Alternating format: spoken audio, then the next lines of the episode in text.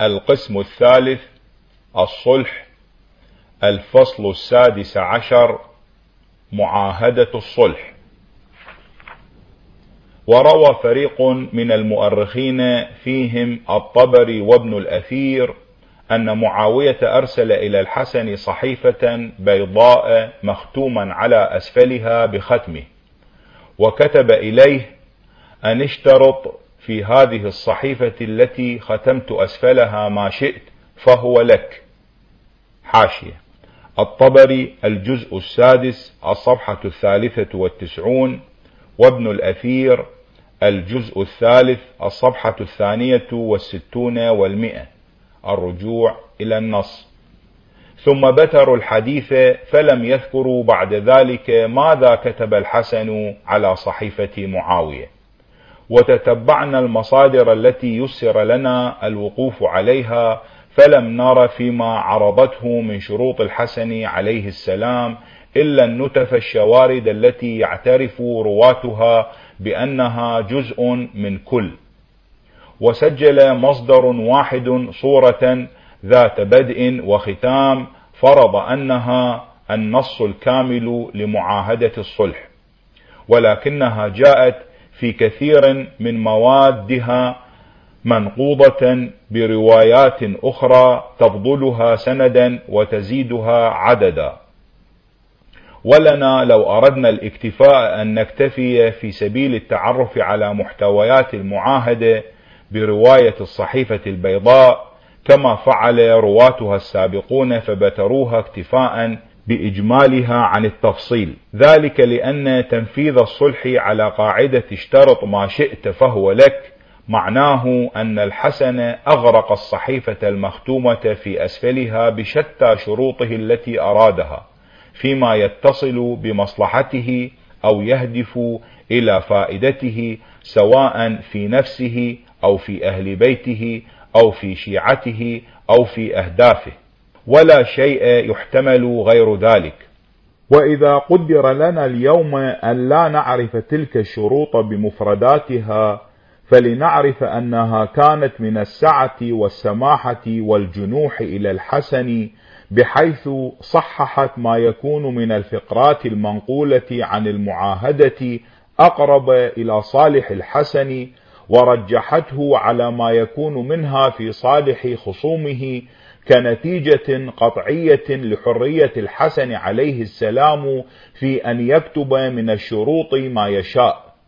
ورأينا بدورنا وقد أخطأنا التوفيق عن تعرف ما كتبه الحسن هناك أن ننسق هنا الفقرات المنثورة في مختلف المصادر من شروط الحسن على معاوية في الصلح وأن نؤلف من مجموع هذا الشتات صورة تحتفل بالأصح الأهم مما حملته الروايات الكثيرة عن هذه المعاهدة.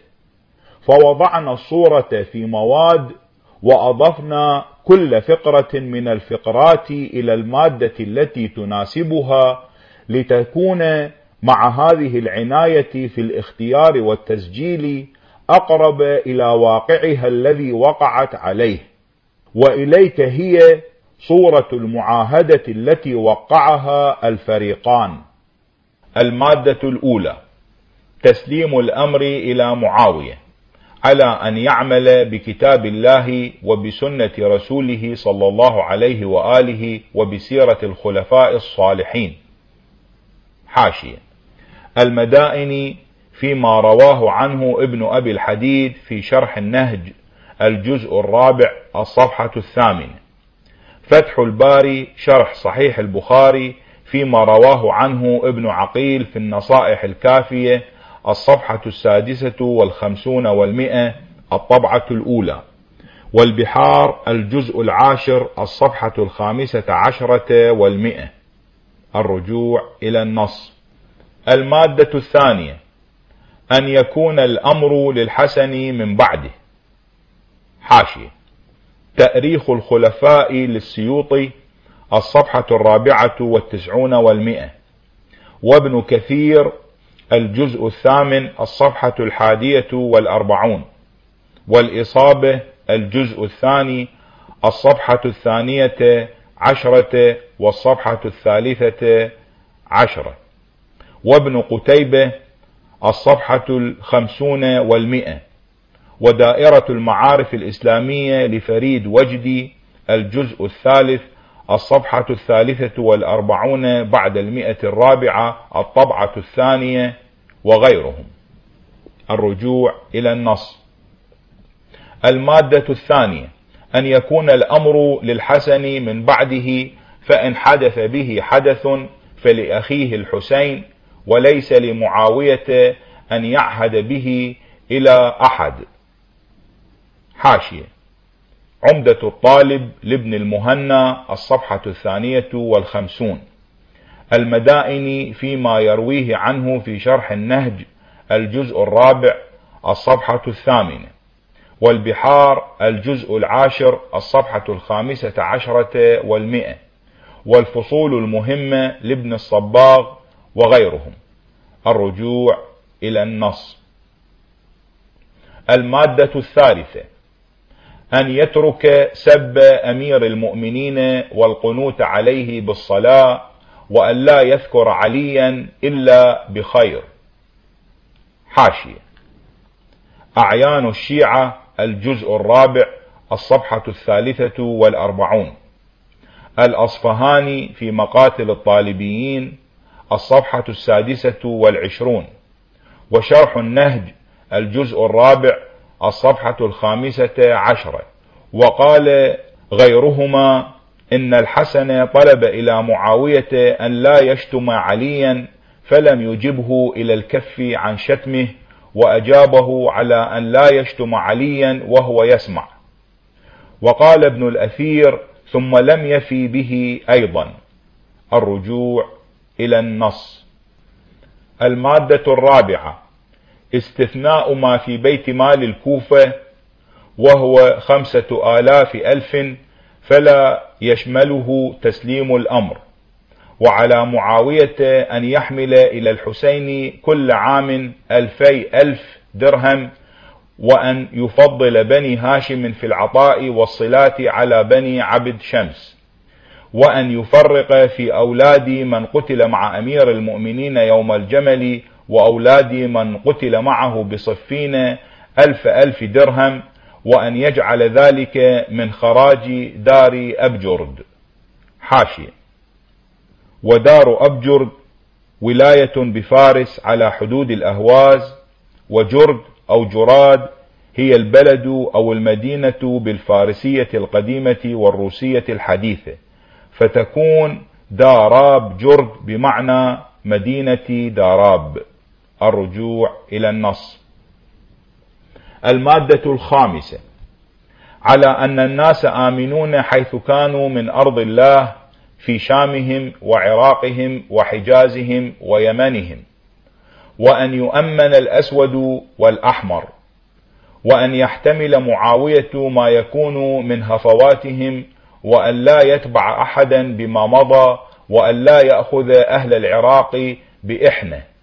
حاشية. المصادر مقاتل الطالبيين الصفحة السادسة والعشرون. ابن أبي الحديد الجزء الرابع الصفحة الخامسة عشرة. البحار الجزء العاشر الصفحة الحادية والمئة والصفحة الخامسة عشرة والمئة. الدينوري الصفحة المئتان. ونقلنا كل فقرة من مصدرها حرفيا. الرجوع إلى النص. وعلى أمان أصحاب علي حيث كانوا وأن لا ينال أحدا من شيعة علي بمكروه وأن أصحاب علي وشيعته آمنون على أنفسهم وأموالهم ونسائهم وأولادهم وأن لا يتعقب عليهم شيئا ولا يتعرض لأحد منهم بسوء ويوصل إلى كل ذي حق حقه. وعلى ما أصاب أصحاب علي حيث كانوا. حاشية.